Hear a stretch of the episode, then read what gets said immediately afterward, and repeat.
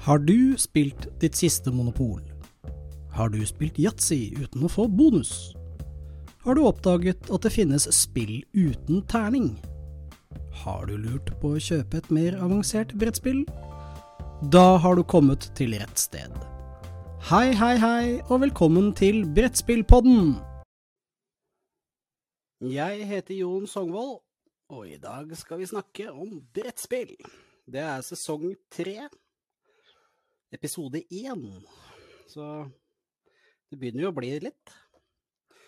Um, I det siste så har det blitt en del spill som har dumpa ned i postkassa, uh, som faller i kategorien spill jeg vanligvis ikke uh, spiller, men som allikevel er ganske kule. Um, et eksempel Jeg er jo totalt off um, på um, Hva heter det? Uh, kjernepublikummet, om du vil. Men uh, jeg har engasjert meg litt i dette med brettspill på norsk. At uh, det burde komme bedre spill som er tilgjengelig på, på norsk. Men, altså, det er så mange spill som på en måte kan gis ut på norsk bare ved å bytte ut spilleregelheftet, ikke sant? Så det er utrolig mye snedig som kan gjøres. I fjor så kom uh, Slidequest fra Outland forlag. Uh, og det er en variant på det her gamle kulespillet som vi hadde da vi var små. Og at du på en måte, Du hadde denne trekassa med to sånne som du vrei på, og så fikk du kula til å gå rundt alle høla. Slidequest er egentlig det samme, men for uh, Kjernepublikummet er kids og familier. Uh, 20 forskjellige baner, osv. Og, og så Det er jo da en variasjon av en gammel klassiker. Og så dukka det opp en annen variasjon av en gammel klassiker, Little Dragons. Norsk, svensk, dansk, finsk. Eh, spilleregler på norsk og dansk, og svensk og finsk. Svensk og finsk går rett i søpla, men det går fint. Eh, disse reglene var ganske bra. Det er ikke spesielt kompliserte regler. Det er forma som et egg, og det er fire sider med svært lite tekst som du skal lese per side, men oversikten er liksom Drageeggene er ikke klare til å klekke, og alle gleder seg til å ønske babydragene velkommen. Hjelp dragene å klekke og samle så mange drageegg som mulig for å vinne spillet. Det var oversikt. Og så har du oppsett. Legg alle drageeggene med fremsiden ned, midt på bordet. Legg gullpokalene til side ved enden av bordet. Spilleren som er yngst, starter spillet. Uh, og så er det hvordan man spiller, og det er altså særdeles enkelt. Men kortversjonen av dette her er at man rett og slett Eh, hvis man husker Memory, så var det masse Masse på en måte brikker med lik bakside. I dette tilfellet så ser det selvfølgelig ut som drageegg med litt gress i bunn. Og så plukker man opp to, og så er hele clouet å samle eh, Samle paret, da. Eh, det er masse variasjoner her som gjør at det blir et morsomt spill. Men ånden i det er at det er memory med poeng og vinner til slutt. Eh, reglene er relativt godt eh, skrevet. Det er, noe, det er ikke noe som gjør at du ikke forstår noe, eller at det er gærent eller noe sånt. Noe. Det eneste som jeg syns var litt sånn ah, vanskelig, eller det er ikke vanskelig, men det er litt rart. Det er at Først så står det på norsk, og så står det på dansk innenfor samme kategori. Og så er det en ny kategori, og så står det på norsk, dansk, norsk, dansk, norsk, dansk nedigjennom. Så det er sort tekst er norsk, og rød tekst er dansk. Så det blir sånn annenhver gang ned igjennom. Så det blir sånn fragmentert når du leser det. Det kunne vært kanskje smartere å ha norsk på én side og dansk på én side. Men det er kanskje ikke så lett, fordi når du har en bruksanvisning som ser ut som fire egg som henger sammen, så er du veldig låst til oppsettet på hva du har plass til. Du kan ikke flytte på ting som regel. Det er også noen regler rundt det. Men eh, kortversjonen av det spillet der er Memories med poeng og videre til slutt. Ofte den yngste. Fordi gamle folk husker ikke en dritt. Så enkelt er det.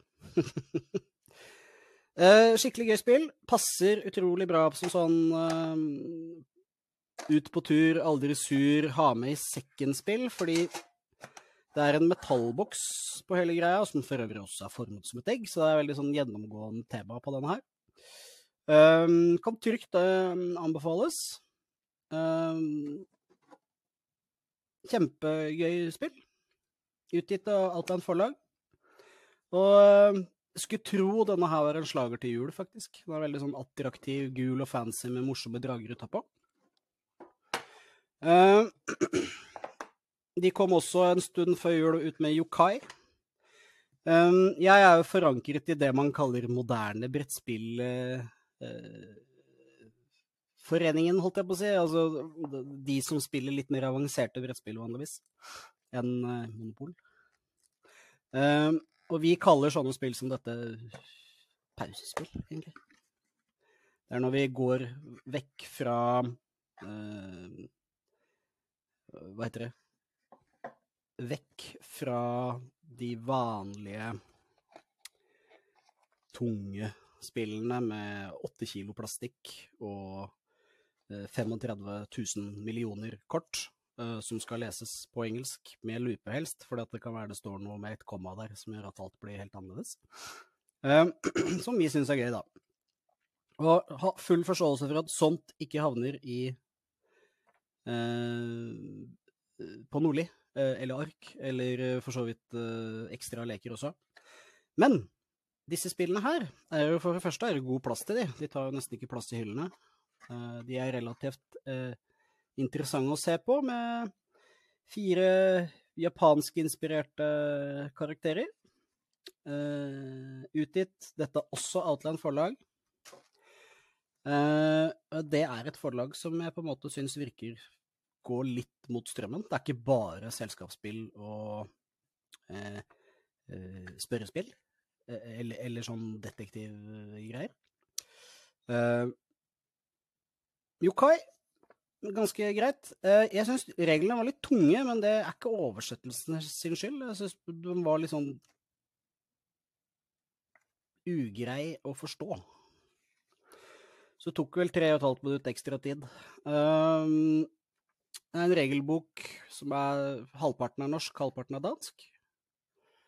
Uh, det er ikke vanskelig å lære, altså, misforstå meg rett. Det er ikke noe katastrofe her. Men uh, det er bare til å være et såpass lite spill, så er det mye å huske på. Uh, gøy sak som vi ofte drar frem mellom slagene. Det er et coop-spill, eller samarbeidsspill, hvor man har litt sånn begrensa kommunikasjon. Det er ikke greit å prate så mye. Og da må man plassere hver de fire medlemmene som man ser utapå boksen. da. De skal plasseres eh, i forskjellige grupper. Så det, det egentlig, står egentlig bakpå. Se på to kort. Flytt et yokai-kort. Avslør eller plassere et hint-kort. Fort gjort. Gøy. Uh, skal vi sjekke prisene på dette greiene? Det er vel ikke så dyrt?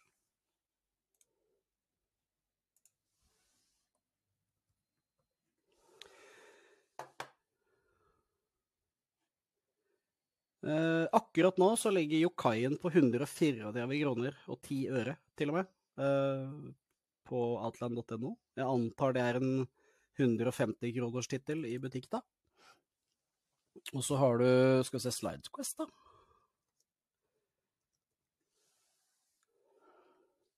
«269 kroner 10 øre, 300 i butikk. Altså, har du kids så får du mange fritimer på å ha det i gang. Det er stilig, rett og slett. Det var den siste. Little Dragons.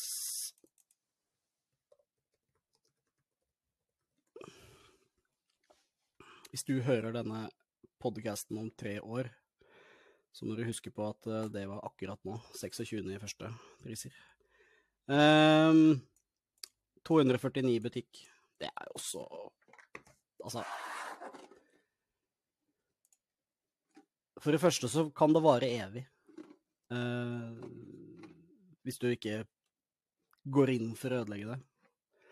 249 kroner, det er ikke to kinobilletter engang. Jo, det er akkurat to kinobilletter. Og ikke noe popkorn. Så det er eh, timevis med gøy moro. Um, 2022 har jo kommet med brask og bram, og det er jo rett og slett uh, nok et år med korona. Jeg begynner å bli så ufattelig lei.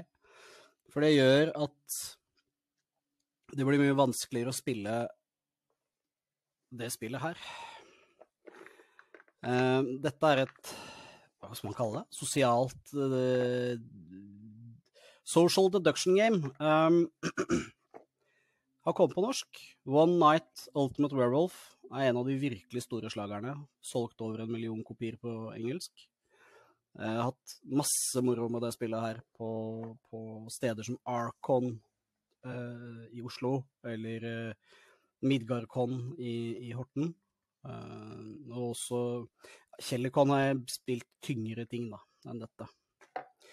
Um, One Night Ultimate Werewolf må være Det er også Igjen så er liksom Altland forlag de som viser at de prøver nye ting, da.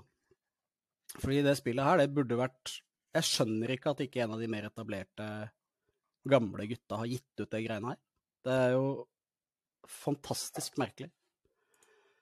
Uh, men, men, de har vel ikke sett logikken, da. Uh, den leveres med én, to, tre, fire, fem, seks, sju, åtte små regelhefter. Det ene er et regelhefte, og det andre er en sånn oversikt over alle karakterene. Og da kan du kaste seks av de. Hvis ikke du kjenner noen som er glad i å lese dansk, svensk eller finsk. Og så beholder du de to som er på norsk. Og det er en veiledning på til sammen fire sider. Og det er ekstremt eh, fort gjort. Eh, inneholder også litt tips til forteller osv. Og, så og så er det De kaller det innhold, men det er rett og slett en oversikt over alle karakterene og hva de skal gjøre og ikke gjøre. Eh, det spillet her spilles jo på en måte Du er ganske mange rundt et bord. Helst gjerne Jeg mener det er seks, som er sweet spoten her. Da får du liksom med deg det som er moro. Totalen er ti. Tre til ti. Det er ikke et spill jeg hadde spilt med tre stykker, tror jeg. Jo, kanskje. Det er et gøy spill, da. Hele clouet her er i hvert fall at du velger deg en karakter, eller du vil si du, det er jo blindt, da. Så du får en karakter, et pappkort, som er, er litt mindre enn et vanlig spillekort. Og på det så står det da uh, hva denne fyren er for noe. Vi har en landsbyboer, undersått, uh, en garver, altså en sånn som garver skinn, varulv, frimurer, røver, bråkmaker, Eh, drukken Dranker heter den på norsk. Dobbeltgjenger, søvnløs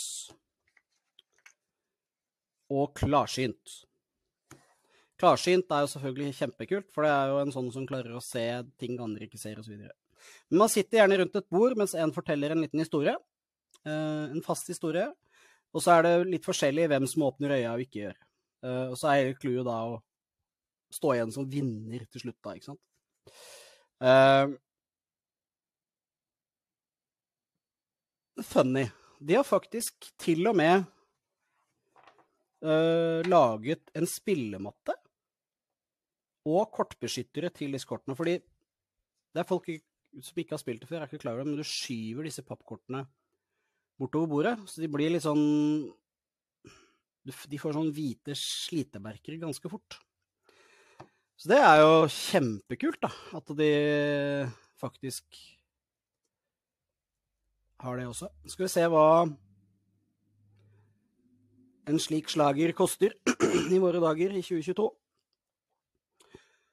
Spillet Skal vi se Norsk, engelsk Det engelske spillet koster 369. Det norske koster uh, 299, eller 269 på nettpris, da. Det er jo fantastisk. Uh, jeg kan ikke se at de selger spillematta og kortbeskytteren på nettet, så det er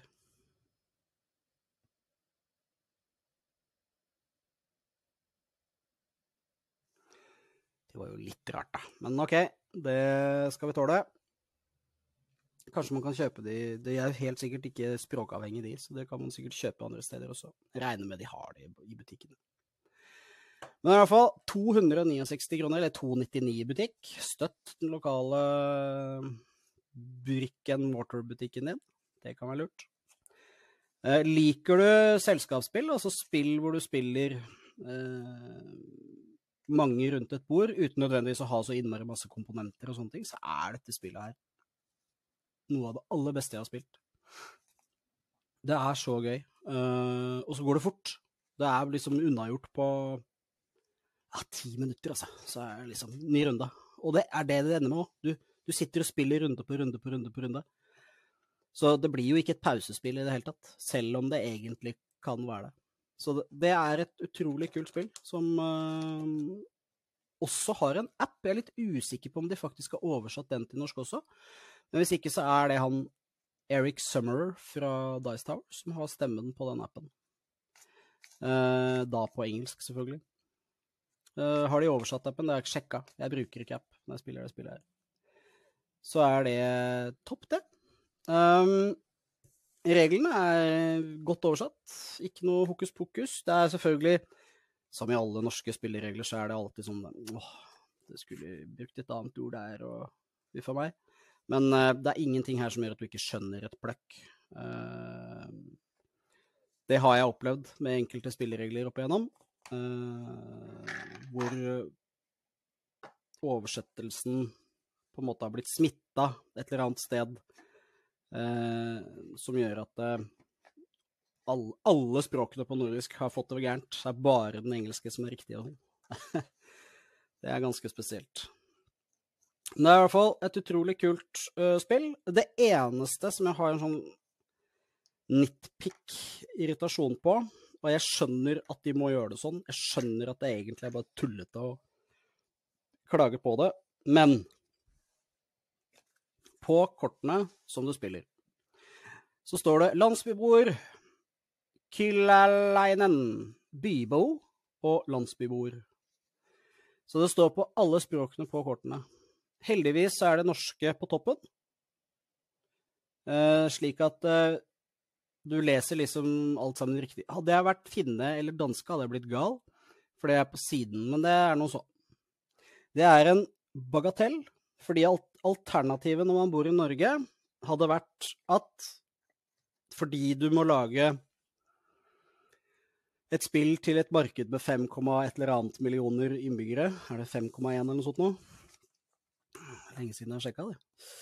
Så er det på en måte helt åpenbart at når uh, du skal satse på et marked hvor du har syv-åtte butikker, og du, i verste fall så får du bare gitt ut i dine egne butikker Nå har jeg sett at Outland forlag også selger uh, til um, Nordli, i hvert fall.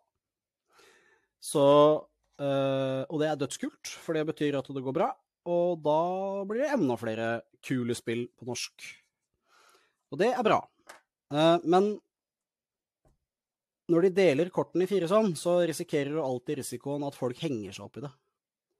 At en sitter og irriterer Å, jeg skjønner ikke hva det står på finsk, men det er bare ordet på norsk som er interessant for deg.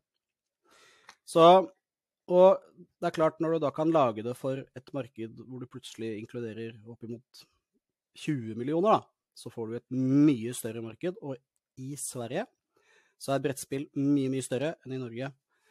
Så det er kanskje det viktigste markedet i, i, uh, i Norden, da. Danmark som nummer to. Kanskje Finland. Jeg er litt usikker. Jeg tror de spiller mye brettspill der. Uh, og så oss selvfølgelig på sisteplass. Uh, vi er bare gode på ski, vi. Alt annet er vi sist på. Nei da. Uh, Bezier Games, selvfølgelig, som har gitt ut dette originalt. Og jeg syns det er tro... Jeg blir nesten litt stolt som nordmann å se at det står Outland forlag ved siden av Bezier Games. Fordi det betyr at min del av hobbyen også blir ivaretatt på mitt språk. Noe som gjør at jeg kan ta med meg en One Night Ultimate Werewolf til biblioteket i Larvik og spille det og introdusere folk for helt andre typer brettspill enn standard. Altså ikke Monopol og Trivial Pursuit og alle sånne ting. Trivial Pursuit er forresten ganske gøy, hvis du syns det er gøy med spørsmål.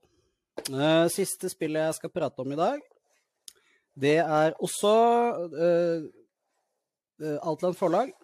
Uh, de har vært så snille at de har sendt alle kopiene som jeg har her nå, i posten. Og det er Cross Clues.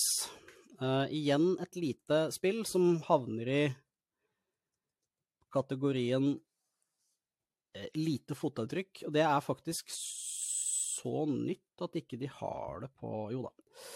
Det koster også 224, så gjennomslags mellom 150 og 300 kroner ligger disse på. Dette er et coop-spill, et samarbeidsspill. da. Uh, originalt gitt ut av Blue Orange Games, altså uh, Not by favorite company. Uh, men det her var ganske gøy. Fordi du samarbeider om å så Det er litt sånn tidspress også, med et timeglass. Så du samarbeider egentlig ved å liksom komme til svaret, f.eks. en dyrlege. Um, og det er gjort tusen ganger før, men akkurat her så ble det ganske godt gjort, altså. Du har noen Kortene er vel rosa i bakgrunnen, og så har de blå bakgrunn bak ordet. Fire ord på hvert kort, og da har du tottflaske, glede, tung dag, eksempel. De legger du utover bordet, eh, og så har du sånne papp Samme type som på One Night Ultimate Werewolf. Pappkort som ligger utover. Som du da velger noen ord med. Uh, igjen en kort, enkel regelsak. Denne her er kun for norsk marked, så her har de tydeligvis måttet lage fordi det er så innmari Alle kortene er jo med fire ord. Uh, og da kan du ikke ha liksom plutselig tolv ord på dem. Det blir for voldsomt. Men kortene er jo relativt rimelig å trykke opp, skulle jeg tro. Det er jo ikke noen bilder eller noe sånt. Og helt grei pappkvalitet. Relativt små. Jeg tipper eska er det dyreste i den her. Det er sånn med magnet. Uh, designuttrykket er veldig sånn Det ser veldig sånn 50-talls ut. Kan minne meg litt om, om uh, I Dream Genie, liksom, i logoen og sånn. Um, det er Det tar litt lengre tid enn man skulle tro. Det er ikke gjort på, på sånn kjempefort, vanligvis. Det er litt derfor de har timeglasset, skulle jeg tro. Uh, og det slutter enten når tiden renner ut, eller bunken med hintkort er tom. Så dette er også nok et sånn sosialt spill hvor du sitter mange rundt et bord. Hvor mange er det laget for? Seks stykker, tenker jeg. To til seks, ja. Eh, syv pluss, det er jeg enig i. Dette er typisk et spill for eldre, altså ikke de aller minste barna. Det er litt uh, Du henger ikke Leser du litt dårlig, så henger du litt dårlig med, og sånne ting. Så det er uh, en god sånn gutta ute på tur, eh, på hytta Tidsfordriv, egentlig. veldig kul boks. Eh, ikke like holdbar som Little Dragons, selvfølgelig, så kanskje ta med på hytta og la bli. Eh, rimelig. Koster liksom to kinobilletter, alle disse spillene egentlig, eller, eller mindre. Eh, men varer fantastisk mye lenger. Altså, selv om du ikke liker det, så har du vel brukt mer enn en spillefilm eh, med familien på dette her. Eh, av alle disse spillene så er det nok disse to, da, One Night Ultimate Werewolf og Little Dragons, som er de to jeg likte best. Um, jeg har sett hvor glad kids er å spille Slide Quest, um, så det er nok en ganske så sikker vinner. Um, så det er definitivt en høydare. Ellers så er det 2022, som sagt. Snart ferdig med første måneden. Jeg er fantastisk lei av korona. Eh, det å kunne spille One Night uh, Ultimate Werewolf, for eksempel, med alle kompisene dine, det kan du nesten drite i. Det Enten så er det uforsvarlig, eller så blir du anklaga for å være uforsvarlig, eller så er det bare ugreit. Så små grupper som spiller brettspill, er for tiden det aller beste. Eh, nå i våre dager, så, eller nå, så holder vi på med en kampanje på Descent. Legends in the Dark, er det vel det heter. Og det er jo et spill som jeg i utgangspunktet trodde skulle være dårlig, som jeg ble veldig positivt overraska over da jeg åpna det. Uh, som har gledet nå i Nå har vi spilt ni eller ti ganger. Uh, og jeg forstår Altså, det har fått veldig mye kritikk for å være for kjedelig og lett. Og det slår meg at det, det de fleste gjør når de starter opp den appen på det spillet, er vel å starte kampanjen på standard vanskelighetsgrad. Det gjorde ikke vi, for jeg hadde lest at uh, det ville være for lett, rett og slett. Så vi starta den på hard, eller hardcore, eller hva det nå heter. Og det har gitt oss en del utfordringer opp igjennom. Og så er spillet akkurat så variert at uh, det er litt forskjellig. Det er noe nytt hver gang. Og det gjør at det blir interessant å spille hver gang. For da blir det sånn Ja, hva nytt skal vi få inn i dag?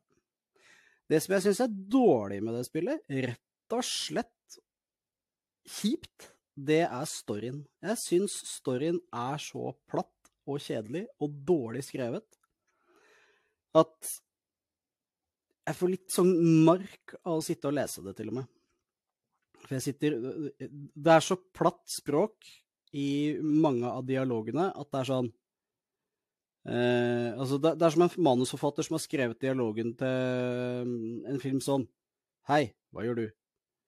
Eh, ikke noe. Hva skal du gjøre? Vet ikke. Jeg lurte på om du kunne Altså, det er så fantastisk kjipt skrevet. Og så er det Altså, Tarinoth er kjedelig. Jeg liker ikke i det hele tatt. Men Descent, som ikke er 3-0, eh, er kult. Rett og slett. Det er ikke noe å si på uh, spillet, sånn sett. Men jeg, som er veldig glad i story, henger meg opp i at de ikke har gjort mer jobb og arbeid på storyen. En av spillerne jeg spiller med, eh, liker ikke artworken i det hele tatt. Og det er jo en fair greie. Jeg syns ikke den er dårlig i det hele tatt. Det er bare Vi har valgt en artwork som ikke er sånn standard pen, særlig for FFG som har gitt ut spillet. Så fortsatt en fornøyelig affære, men jeg må si at uh, det fortjener litt kritikk der det får kritikk, faktisk. Det er ikke eh, gitt at uh, folk ikke henger seg opp i at storyen er kjip. Uh, lesingen er Det er òg en ting. Når du sitter og leser i en app, så ender det jo opp med at eh, det har vel med rollespill å gjøre, og hvordan man har spilt disse spillene i alle år, så sitter en og leser. Det er helt greit. Men det er jo så mye. Det, så, det, tar jo så lang tid å få begynt å spille. Du har rigga deg opp, du har fått figurene dine, du har fått korta du skal ha, du har fått life-trackeren. Klikk, og så begynner du å lese. Masse, masse, masse, masse, masse, masse, masse, masse, masse, masse, masse. Det lengste er liksom nesten et kvarter med lesing. Og det er sånn Hei, åssen går det? Klikk. Jo takk, bare bra. Klikk. Det er så trivielt platt piss. Syns jeg, da. Det er helt sikkert massevis av folk som ikke er enig med meg, men uh, jeg syns ikke det spillet fortjener en sånn uforbeholden tier uh, på BGG, eller en uforbeholden åtter på BGG. Eh, er det bra? Ja visst. Har det sine feil? Ja visst.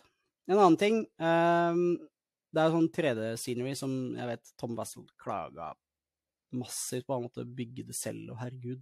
Det er jo halve moroa, spør meg, men um, Figurene er forresten kjempebra i det der.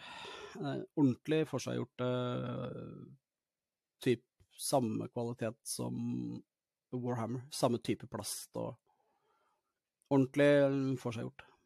Men uh, det scenery, altså de 3D-papptingene Det som er kult med det, er at du bygger ikke opp før du begynner å spille. Så du begynner ikke å Det er ikke noe å rigge opp. Det er bare å starte appen, lese i et kvarter, og så um, er du i gang. Da setter du opp typ tre kartfliser, og så er du i gang. Det som er litt kult, er at du bygger opp, og du ender opp med å gå rundt og opp og ned, og det blir flere forskjellige høyder og sånne ting. Men det spillet er innmari dyrt. Kjempedyrt. Altså, det lille pappgreiene du får med, er det kult laget? Ja visst, det funker som rakkeren, og du kan ha alt i boksen, men de skal, de skal, egentlig betale 2300 kroner for det. Det er liksom den villedende prisen i Norge. Heldigvis får hun ned godt under 2000. Uh, eh, litt avhengig om du støtter en lokal butikk til rundt 2000, eller om du kjøper den til 1600 eller noe på nettet. Men 1600 kroner for det som er med i det spillet, er for dyrt. Det er altfor mye penger. Det burde ikke kosta maks 1200 kroner, sånn som det står nå. Uh, virkelig. Så jeg skal strekke meg til å si at uh, får du det for 1500 kroner, så er det innafor. Uh, I hvert fall på nettet. Um, jeg ga vel 1990 for mitt, tror jeg. Uh, og det var for å støtte en lokal spillbutikk, og jeg betalte det med et smil. Um, og syns isolert sett at det var verdt det. Jeg har, jeg har brukt det spillet nå i over 30 timer. Så verdien i de 2000 kronene er ganske høy, da. Underholdningsverdien er kjempehøy. Det er fire stykker som har spilt nesten hver gang. Og det er småpenger med tidsfordriv. Altså, sammenligner du med kino, så er det liksom et årsforbruk av kino. Så det er jo det det kosta 7000 hvis du skulle gjort det samme. Nei, det var å ta litt av det. Uansett, da. Utrolig mye mer moro enn å stikke på kino. Virkelig. Det er mye morsommere enn å gå på kino. Eh, det er spennende, det er gøy. Appen driver jeg videre. Eh, er det dyrt? Ja. Har det sine feil? Ja visst. Eh, gjør det noe? Egentlig ikke. De andre må bare passe på å si til meg at jo, nå må du slutte å prate om den storyen som du ikke liker. Så må jeg huske på det. Og så må mm, må man tulle masse rundt bordet. Uh, snakke om Han ene ser ut som en alv. Han ser jo ut som han er skikkelig på kjøret, så vi kaller han bare heroinisten. Uh, og Sånne ting, da. Det gjør hele greia, hele opplevelsen blir en sånn morsom greie. Du sitter og ruller terninger, og du går på trynet, og du får bank, og du blir skada, og du får wounds, som det heter. Og så får du wounds, og så Det gjør ikke noe. Du har grua deg til å få det rundt, og så gjør det ingenting. Det er sånn som er kult. Um, Fins det massevis av spill som gjør det samme, men på en litt annen måte? Ja visst. Og det skal vi prate om neste gang. Jeg takker for meg. Vi prates. Ha det! Det var alt som Brettspillpodden hadde å by på i denne episoden. Dersom du ønsker mer informasjon om podden, eller har noen tips til Jon spiller spill, så send en e-post til brettspillpodden at jonspillerspill.no. På gjenhør!